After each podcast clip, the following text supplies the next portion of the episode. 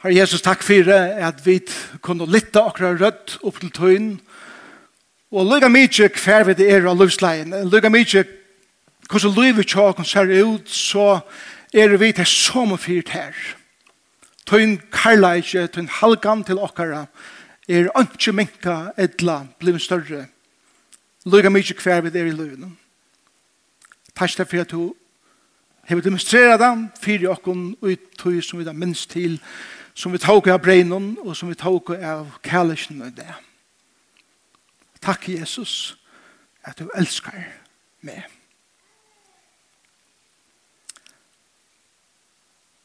Ofta nu sinne i okkara, at skilja, ofta gjørst okkara at føla, kjenna, og ofta vilja okkara til at gerast, gerar årsins, og og ikke best høyre er tess. Og i Jesus er navn. Amen. Vi er i røyene om David, kong. Og vi er kommet til femta parst av hans røyene. For bare vi gjennom verset i Nødja Testament. Rombrevet, det vil ikke slå det opp. Det kan bare slå opp av, av fyrre samensbå kapittel 18.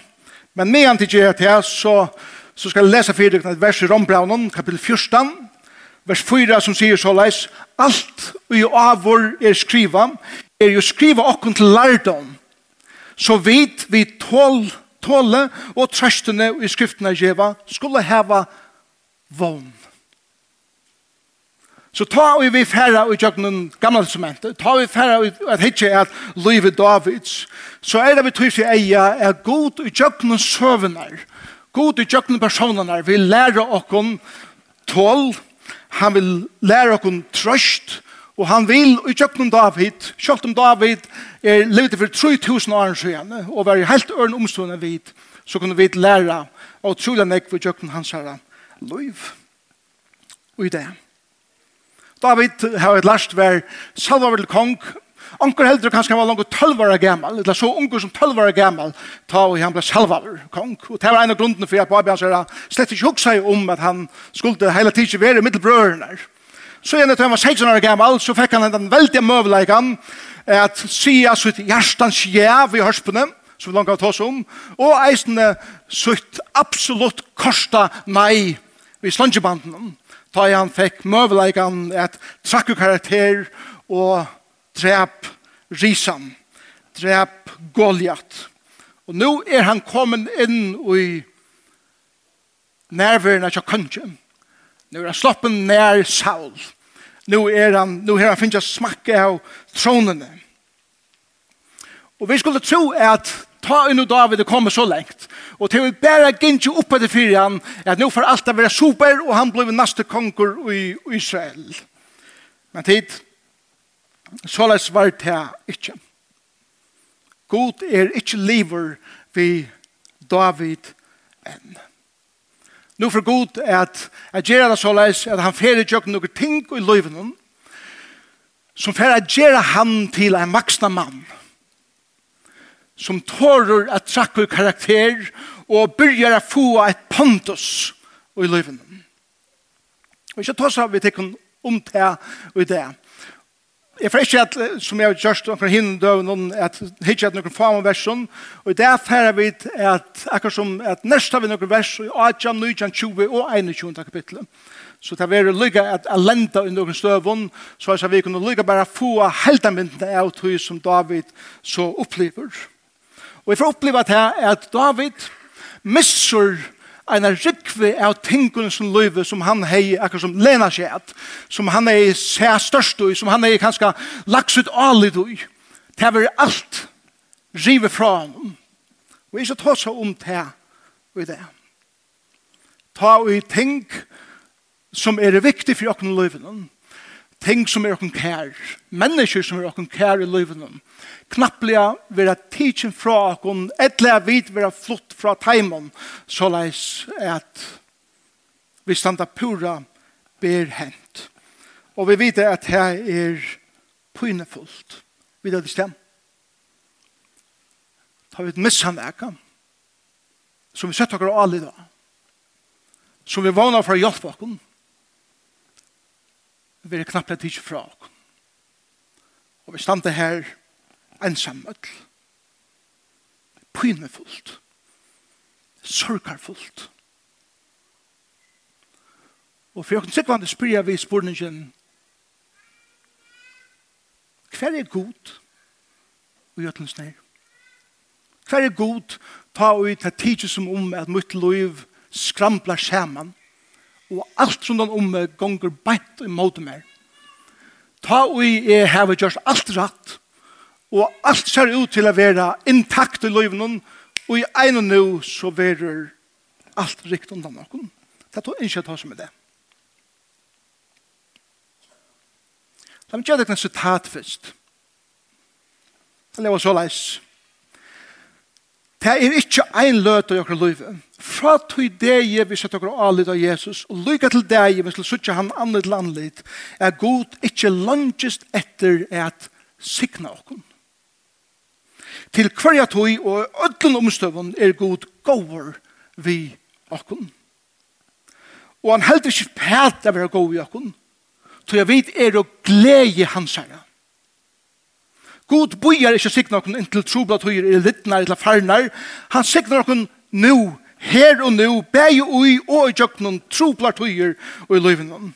Bænt nu, ui tøyne løyve, er god til verska, er gjerra til og utinna til som han heldur er best fire til.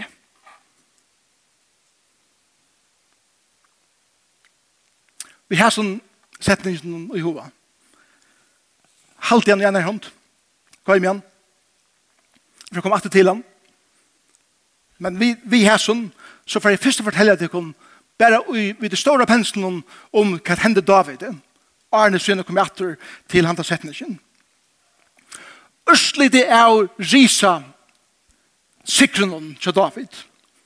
Vær til at han får i skolen, Som jeg kaller for kongaskolan en fyrreikere skola til at trakke inn og til kall og til arbeid som god til å kalla David til. David var ikke klar enn. David var ikke byggven enn. David var ikke noe robuster enn.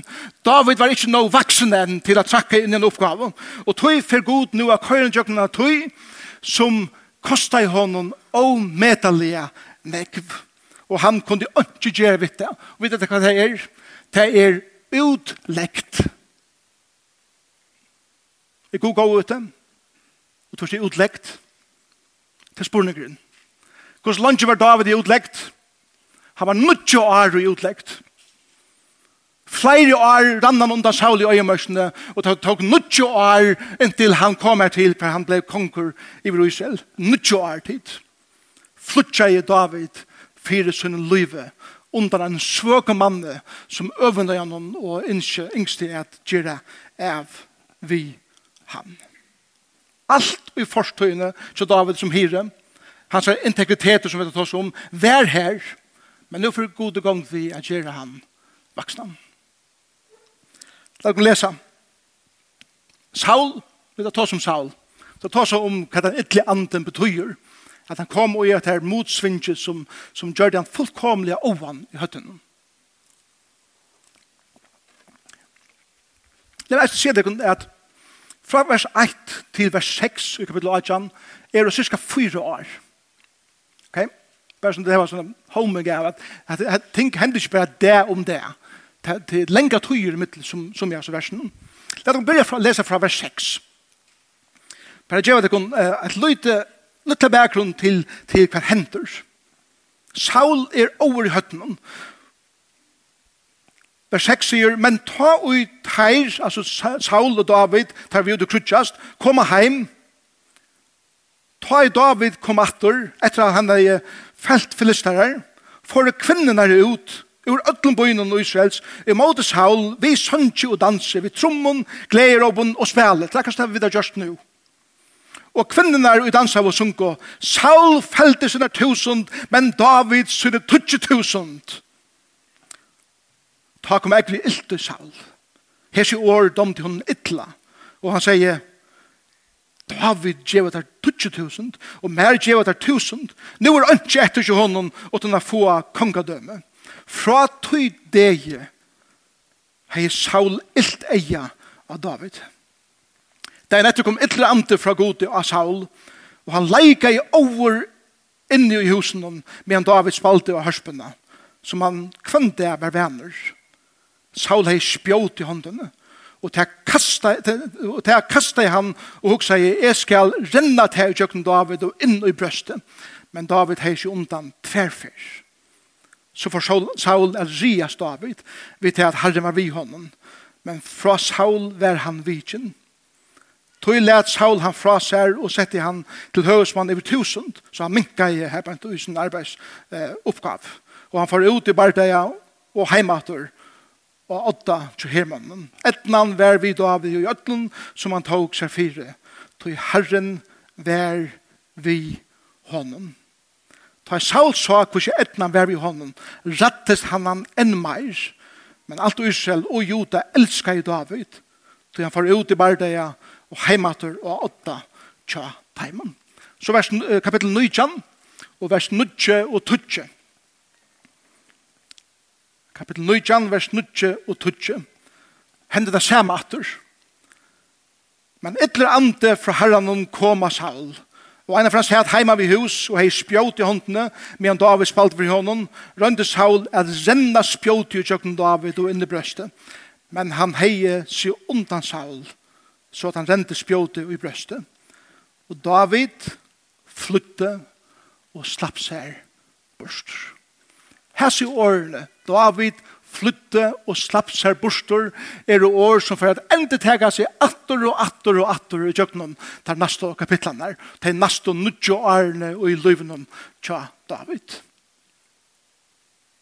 Jeg får nevna fyrir dere helt kjøtt i stålen stråkon hvordan øvunden til Saul gjør det til at David miste seks viktige ting i sin liv Vi vet at et Og til dette er et øvund, øvund til Saul, hun gjør det spaskleit. Spaskleit gjør det til hæter. Hæter gjør det til mor. Han rønte at gjøre av vi David. Det rikket ikke vel til han, men, han, men, men David miste mer og mer i livet.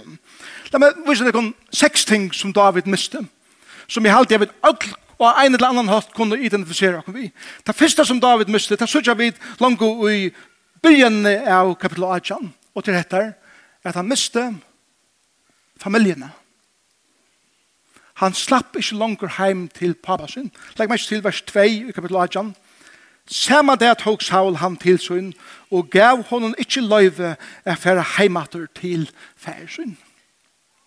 Hatt det første mist. Jeg var kommet på toppen, og Saul som langt har hevet ikke ilt ei av David Trykviem, gjør det så leis at han ikke slapp heimater. Han miste sitt innelige, djupa samba ved sina familie, ved pappa sin, ved mamma sin, ved batja sin, ved alt det nærmest hans liv, ble det ikke minst langer langer bære for å lykke heim. Og det kjenner det alt som har mist.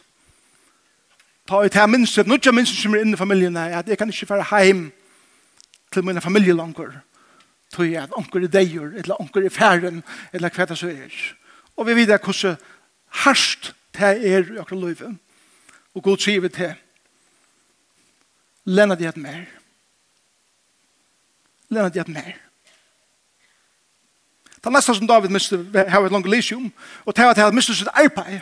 Han miste arbeid som hørspåspillere, og han miste arbeid som herfører ikke David. Han miste grunnvøtlen for sin inntøke. Han miste grundvøtlen for jeg fer opp på måten er at her var et arbeid jeg færa til, og han blei en, en maver som flutja i fri løyven undan Saul. Han måtte ryma og flutja den dagen. Etna var vi David. Han var omhelten, han var avhelten, han var elskar av følelsen. Men jeg tror at en sveker maver øvende av gjennom, sier til han fire, at det er ikke slapp av hendene. og han mistet sitt arbeid. Og god sier eisene vi til som har mest tunne posisjon. Lena til at mer. Som mest tryggleikene tunne inntøket. Lena til at mer. Det tredje som, som David miste, vet du hva det er. var? Etter det hadde han mistet familien, ikke sant? Etter det hadde han mistet sitt arbeid, men han mistet sin kone sin. Han måtte flytja heimene fra, fra kongen. La meg lese fyrir fra, fra vers 21 i, i kapitel 18. Vi regner fra kjøttkjøkkenet der, så vi kan bare få akkur som eh, helda min er ut som henter henne. Han er lova David, en kone, som han så sveik og gav ankonøren til kona, men så såg han, la meg ikke David en nære kone, Mikael døttemøyna. Så sier han i, i vers 21, så leis. Og Saul huk sier, Jeg skal lete han få henne for at hun kan være honom en snerra så han fettler fyr for listar han. Fantastisk sver for ham. Han er et likla vers av på papen. men, men legg meg ikke til hva hender. Lad oss hoppa nå i kapittel 19 og vers 11. David har mist familien. Han har mist arbeid seg han hever nu eit annat triks til å fære, og til å heim til konesyna, og finna tryggleikan av synen heim i herbeint. Så leser vi i vers 1 i kapitel 19. Om nottena sender Saul, men et huset Davids halde eia vi honom og drepa han om morgenen. Men Mikael, kona David, sier vi han, bjergat her, bjergat du ikkje livet under natt, ved du dripen i morgen. Så sier Mikael David, så sier, så, så, så, Mikael David nyer ur vindegjennom, og han flytte og slapp seg borster. Legg meg stille, jeg årene etter her. Han flytte og slapp seg borster. Så gjerne gjør Mikael noen, noen ting her for at, at hjelpe David å slippe sted. Legg, legg så til meg vers, vers uh, 16. Ta i Saul har funnet her at Mikael har hjulpet henne å flytte. Så leser vi, ta seg Mikael og Saul. Ta seg Saul og Mikael. Hvor har du svitset meg? Så, og hjelp flyttene mine borster så han slapp. Mikael Sverre Saul, han skrev med hjelp meg borster, annars dreper jeg til. Og det passer ikke. Legg meg ikke til hva hender her bant. Konan yngste jeg å berge sin mann, men konan var døtt til Saul, som var så bensje for pappa sin, at hun tørde ikke se sannleikene som gjør det til at hun helt hatt hun hjelpte Saul, men som gjør det bare øyene til Saul inn og David enda større. Det at han er høyt at drepa dødssynet, selv om Saul, som vi får lære i øren talen, og ikke leie i dødssynet. Så han miste konesynet, han måtte flytja heimene fra, til, til at han lese der. Men han miste konesyna. Han måtte flytja heimane fra, tog at onkur stå og boja i a slipper drepa han. Jeg håper vi føler at han synder. Og tog han en over fra, fra konen sinne, tog at menn røyna drepa han, så vet han hver skal han færa nast, og han sier, jeg, jeg, jeg, jeg leide til Samuel, profeten. Og da leser vi i, i vers 18, og i kapitel 19, Men David var flyttur og sloppen bostur, og han får til Samuel og Rama, og sier hon alt hvordan Saul hei gjørst vi ham. Legg meg til vers 19. Ta en og Saul fikk jeg vita at David var og i neiot vi Rama. Sendi han menn etter David. Så David miste eisene sin rådgjeva. David miste eisene Samuel. Samuel profeten som han vågna i å finne omkring tryggleika tja. Og legg mest til vers 1 i kapittel 20. Men David flytte ur Najot vid Rama. Og det var sånn nasti han får til. Og det var vinsøyn og svasøyn Jonathan. Så ja, det er. Han mistet sin familie.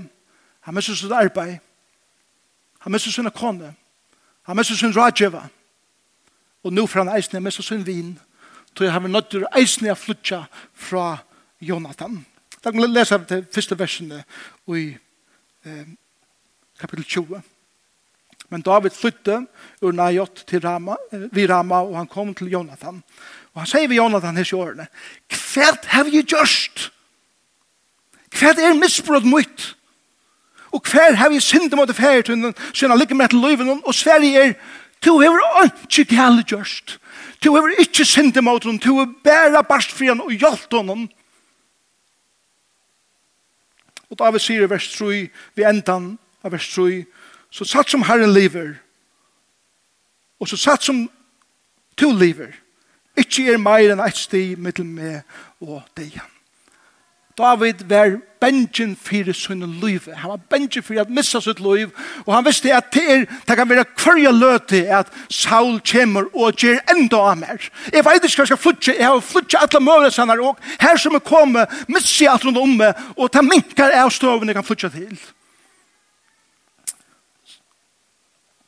Så leser vi vers 33 i samme kapitlet. 20, 33. Men Saul kastet i spjåti etter honom, etter Jonathan. Jonathan rønte i verja David. Hikket etter hva Saul gjør mot sin egna sånne. Og Saul kastet i spjåti etter Jonathan, og at det er fettla han. Ta dutte Jonathan og suttja, er feir hans har hei sett seg et drepa David. Og så leser vi vers 2, 4, 3, 4 i samme kapitlet. Så gjerne sier Jonathan vid David, færre frie. Ta vi bare hava svår i navn i herrens, ta vi søtt og herren skal være vittne mittel med og te, og mittel at myna og at tøyna til jeg at tøyer. Det skal standa fast. Så restes David og forast det. Og Jonathan får innatter og i byen. Ta kom til kapittel 21 for mister David sin egna identitet. Han mister familien, han mister arbeidet, han mister konen, han mister rådgjøven, han mister sin vin, og nu kommer han så lengt nye i sin liv at han mister sin egna identitet.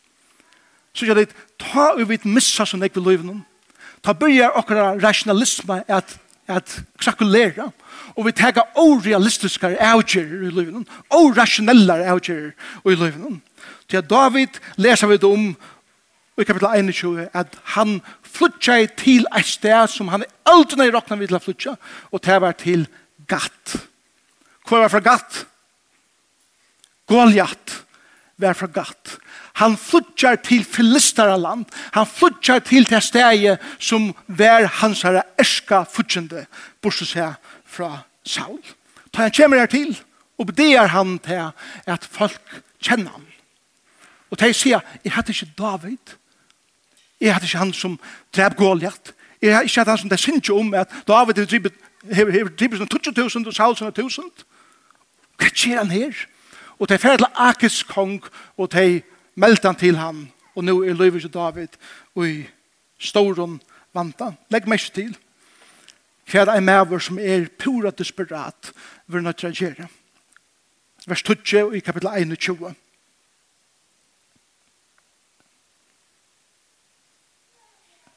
Hette en utrolig hending. Så får David et sted og flyttes samme dagen undan Saul og han kom til Akis, kongen i gatt. Men tænar, tænar Akis høtte vi han. Etter ikke David, vers 12, hese år leie Davids her til Merskis, og han var ekla rattor for Akis, kongen i gatt. Legg meg ikke til hva hender nå. Etter åtrolig år, ta last han over for egen herre, og bær seg et som et Sier det? Hva hender? Altså, han må läras om å være vittles. Han må läras om å være svekur. Ta det rundt og halte honom. Han skriv han skriva i hora porsens og let slevna renna ner i kjetchen. Ta sig Akas vi tjener sønner. Til så sier jo at dette er over mäver. Får komma till inn vi hånden? Og så älskar det som han sier. Här vi ikke nå mye av ovenfalske. Är det som här? Kommer det vi ena trätt? og sender han sted. Og såleis bjerker David sin løyve vi at røyne er spela svekur. Og til han slipper leiser, så skriver David en salm som fyrir hver han prysa gode fyrir hvordan han hjelpte seg. Så gjør det. Det som hender David er til at en maver som er av hattene som er, er, hever alt visser hever alt, alla vikong til løyven etter noen favon hendingen i livet, etter noen favon mannen i livet, kommer så lengt nyer at han oppfører seg nesten psykotisk. Og han mister alt. Og spurningen er, hver er god i Ødelnesen?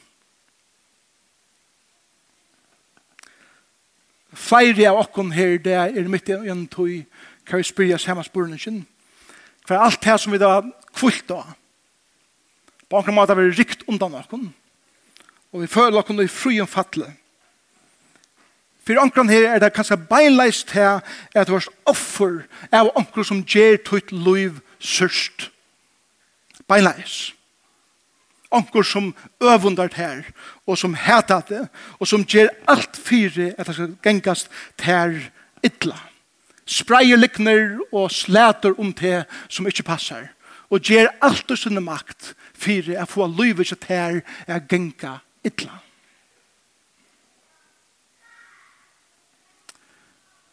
For omkring er det romantiskt forhold eller kanskje tjunaband. Som du har sett, tog et alle dag, at det var Guds vilje for ditt liv, og nå knappt er stendet til å pura ensamadler, eller ensamhetsler. Og du veist ikke hva er kommet inn, eller hva det er som er hent. Og det er en djup svar på innan. For andre er det brøstne dreimer. Ting som de drømte om med gjer løvnen, som ikke er en verleg langer, til at de færre forbøy. Andre har finnet bo fra lakna, at skurvitjer må være her og nå, og alt livet skramplar undan ter. For andre kan det være at hun finner oppsøknar seilen, og her som du skriver, vi har ikke bruk for tøyner hjelp langer, og andre andre for sted vi tøyner arbeid. For andre ungan, drong, legente kan det være at du opplever på at hun sier at jeg får ikke langer bygge hjemme til tikkene, til det er færre. Og til herst. Hver er god? Ta jeg sier, Johan, vi bryr vi, at det er ikke en løt av akkurat livet fra til det Jeg vil sette akkurat alle av Jesus Kristus. At han ikke lønges etter et sikna til. Og han bøyer ikke, vet du, til at du er hans store glede. Og han er vit her ui tusen du er stå i, og djøgnon til som du er stå og øyser sine sikningar iver til. Passa det. Er det en verilegje som du kan stega vitt her og i livet Det er noen likla vers som færa i djøgnon alt liv Davids. Vi sier det bare i kapitel 18, vers 12, og i vers 14, hva det sier, og Herren vær vi David. David Herren vær vi David. Vi leser det alle veien til hans liv. Eisene tar øyne helt nirri av botten og han har mist alt, sier Guds år. Og Herren vær vi David. Hvordan hongra det saman? Det er at det ser ut til at det er pura etterladen av gode, og god sier, jeg er vi der. Ikke at enda, selv om tog inn i ferden, at djeva det kunne sannleikar som jeg halde er at hesen teksten lærer oss som er utrolig viktig for å kunne lære. Det første er dette. Om du ikke lærer å kvile ui er god er nøyerykker og at han hever en oendelig kærleik mot det her så først du alltid er strujast og ivast ta og i trobeleikar og mågong kommer inn i ditt liv. Alltid. Og jeg vil si at av til god er vi her. Lyga mykje hver du erst og i livet noen. Det som vi lener noen et, støtter, etla, hva vi så kallar det i livet noen. Det er færa. Det er ikke verand. Bæra god er verand i utan liv. Det er alt som til alt. Lort etter hva han sier i Isaias, i kapitel 1, vers 2. Han sier, øttast ikke. Jeg er vidt her. Vær ikke motfattelen. Jeg er godtøyen. Jeg er, er styrke til og hjelpe til og halte til oppe. Og det gjør god vi til beint her som du erst nå og i tunn løyve hver alt er krakkelere rundt om det. Når lærer vi dette? Når Der lærer vi denne sannleikan er god elsker i David sjålt her nyrre og i strøynen av sunn livet. Og hvordan vet vi at han elsker i David? Jo, vi leser det i salmen. Jeg får bruke en hele tale jeg tar som salmanar i David for jeg gjør det kan innlitt og i ta imens støvner som han skriver i salmanar i for at jeg kan lære hvordan tuttninga mykler salmanar er. Nummer 2 Vi halde at her som vi lener okken et Vi er til familie, vi er til akkurat tjonafellet, vi er til akkurat bøtten, vi er til akkurat viner, vi er til inntøker. Vi halter at det er det beste i akkurat liv. At det er det beste som god til å sikre noen vi i akkurat liv. Og god sier vi til, og han sier med i det, at alt det er godt, men det er ikke best. Det er neste best. Og vi først teker god og fra til neste beste, for jeg gjør dere det beste, og hva er det til? det er seg sjølvan. Det beste som du kan hava i løyven er et forhold og innelig forhold vi god som fer er at være vi alltid. Ta og i okkar kona eller mæver. Ta og i okkar arbeid, eller okkar foreldre, eller okkar bøtten, eller inntøk, eller hva det så er, blivet her som vi bygger okkar av. Så vil det pynefullt ta et her vi tidsje bosters. Og ofta teker god okkur bort fra tøy, vi tror for eie at vi kunne komme atter til det, vi har en sunnen, fruskun forhold. Så er at vi har et vakse forhold til de som vi annars hettler okken et, og i livene. La meg si at nega til tikkun leiarar. Stjórar, leiarar, tid som leier imsting her og i tikkara livet integriteter er det viktigaste andalige eikjenne tja en leier. At heva integritet. David heide, han, han, han er et ividju hjärsta, han er et tænare hjärsta, han er et ekta rent hjärsta. Og Gud sier at det er nummer ett tja ter at heva som leier. Men det er ikke nok. Det er ikke nok. Tog jeg til nekve gåer, fitter, leiarer som heva integritet, men som ikke heva pantos at flita ting. Og en leiare må være ein som fer i djøgnen kongaskolan, som, som fer i djøgnen avbjøvingar i løyvenen, så at vi var bråten av gode så han kan reise meg opp etter at bliva en maver eller en kvinna som hever pontus, som hever vekt så reis at ta og i tåse eller ta og i gjernega så hever det en kraft som flyter ting og i livet. Og det er det som god kallar leier til. At her i jøkkenen imest i livet. Atter og atter i jøkkenen livet. Jeg vil ha bråten, for jeg blir robuster.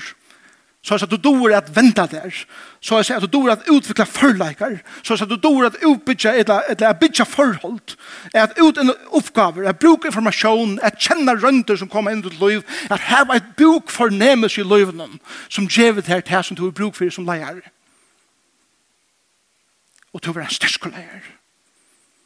Og så hvis du hever inn integritet, intaktan i livene, så vet du ta den beste leieren som tøyne starfolk kunne få. av som leier.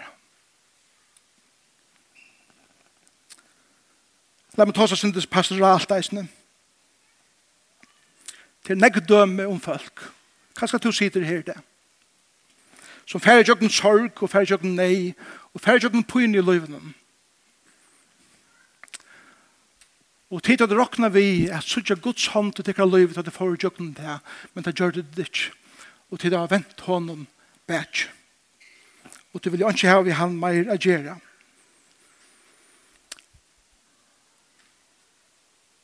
Jeg vil si at tvei ting vi tenker under det. Det første er etter at to heldur er god skal gjøre fire til som to kallar for det gode liv. God er slett ikke halvgaver til det. God er halvgaver til å gjøre fire til som han heldur er det gode livet fire TT og ofte er det i motsøkken til hvert annet. God er ikke interessert av å hjelpe til her, vi tog innan dreimon, hvis det ikke er et gods dreimer for det her. Og mange for henne bresta tar dreimene her, og tega det bort fra tog, til han vil større dreimer for det her, og til på innefullt. Og hvis det ikke suttja det her, så ferdig det venter god og bedre, til det suttja han orattvøysen, vi tekker han liv. Det neste som hender, Det er at tid halda, og jeg halda jeg ikke først, at god skilta meg nek. Så nå har vi vært så rasker, nå har vi vært så gåer, og nå har vi gjort ting så vel, og nå har vi oppførst meg så vel, og gjort en sånn jeg var, og jeg har tant ørene, og gjort alt møvelig godt. God, nå skilta du mer, at det gonger mer godt. Og så misser du alt. Og til det god sier at jeg skiltet her ikke. Til det som jeg har gjort til en løyve, er verur og i æver nek større enn det som du kan betala mer at vi vi tunne gå og versk. Til tog vi prædika frelse utan versk. Måtte du lars det, og måtte jeg lars det. Til jeg visst jeg halte jeg god skylda mer for min, for min, min gode oppførsel, så misser jeg alt. Det er hans rassikningar og det som er rundt jeg bytja mitt liv. Ja. Og så er det enda. En avværing. En avværing til min og til åkken ødel som er som Saul. Kanskje er det anker her i det som er fotler øvund enn løy vi løyve øren. Kanskje er det anker som er fotler og bæskleika. Og hevnt.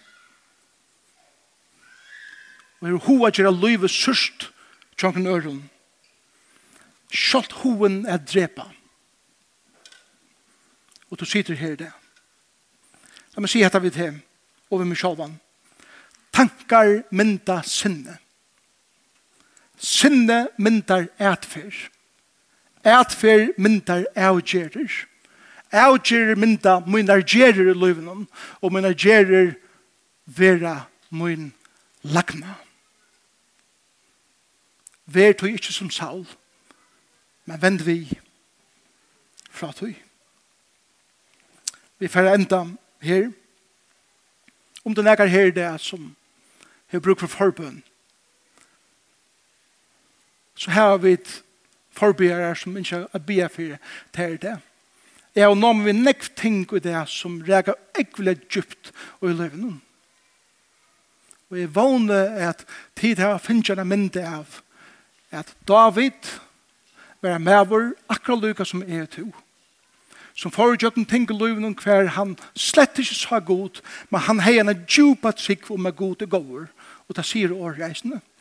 Måtte være det som vi lærer det at om jeg så skulle mist alt i min liv, så er det en understremer i min liv som sier, men god er gåver vi med, og jeg får halda meg nær til hans herre, til han er den eneste som jeg kan kvile av og bygge mitt liv av her livet. Om så alt skulle færre, så eier jeg han. Og om du ikke eier han i det, kære vinner, og du er her beint, og du kjenner ikke Jesus som din frelsere. Så ønsker vi jeg sier vi til det at Jesus Kristus gav sitt liv for til av Golgata kross.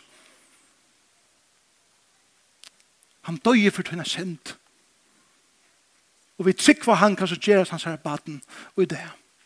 Og byrje av gengene lei, som vi først er en hørlei, men det er god lei. Jeg gengene kan få tonleggerne og sangerne opp, så får jeg vite at, at enda og vi er en sannsyn av feimon. Vi er for å bia. Bia om at her som David og Larstokken i det, skal være tala til tøyen. Følg av meg at det er flere her i det som kjenner vi tøy som jeg har sagt i det og til skilje ikkje hvordan det kan bæra til at løyve tja det kan gonga så ytla. Etla at det er så nek ting som ser ut til å krakulera. Jeg skiljer det heller ikke. Men kan det munn løyve. Men jeg veit at god går. Jeg veit han er elskande færg. Og ta det minkar jeg håpen om det menneskene færre til og hattla seg av så er han her. Måtte være således at to fast en og fire gode gode vi til. Han har elsket det. Han har ikke glemt det. Han ser det. Han fylges vitt der. Men han løyver til å fære jøkken, det som det første jøkken, vi tog fra ei, jeg gjør det robustan, jeg gjør det vaksnan, jeg gjør det til en person som flyter ting, og vi er noe alid av Jesus om at han skal leie til sti for sti. Måtte det være det som jeg kjenner okken som kaller okken kristen, og hans landen er det. Jeg vil ikke ta så om et liv som bare gonger beint opp etter og fremme av uten trobeleikere, men, men jeg vil det er reell og i liven om at livet er øyelig skiftande tjokken, men god er hins sammen. Slå bia sammen.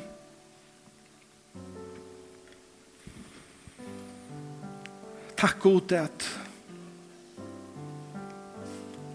David er en veldig firmynd for okken som og gjør noen tåle og trøstene som du gavst hånden at vi kunne heva vågen. og jeg vet at det er folk her som har mist nekva tøy som teit høyt og bygst ut alle da og så hjelp okken å bygge okker og alle da til Det er folk her som har mist sine foreldre. Det er folk her som har mist sitt arbeid. Sine inntøkker. Det er folk her god som har mist sine kone eller sin mann. Det er folk her som har mist sin gode rådgjøv i livet noen. Det er folk her som har mist sin gode vin. Og kanskje er det folk her eisen i det som har mist sin identitet. Og har mist seg selv borster. Jeg tæster for at du er den gode hyren som først ut av leida etter seinen som er blevet borster. Jeg fører han heim. Og måtte du hjelpe okken som er og av ems støvn i løyvnen. Jeg kvile i hæsen at Herren er vi mer. Lykke mye kvæt. Og tog synes ikke hun låsung.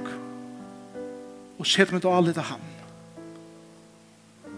Vi takkar deg for deg inn i dag, og takkar deg for Søymen og Randi, og orkester som deg har visst her, Tarra Vidjan, signet deg i Jesu navn. Og jeg blir med til å sikne dere som vi færre ut til Savikene, at livet akkurat lov til ære for deg, hjelp dere å være robust og stersk. Vi er en eimund hjärsta, og tjup og langsle at henne her. Vel. Amen.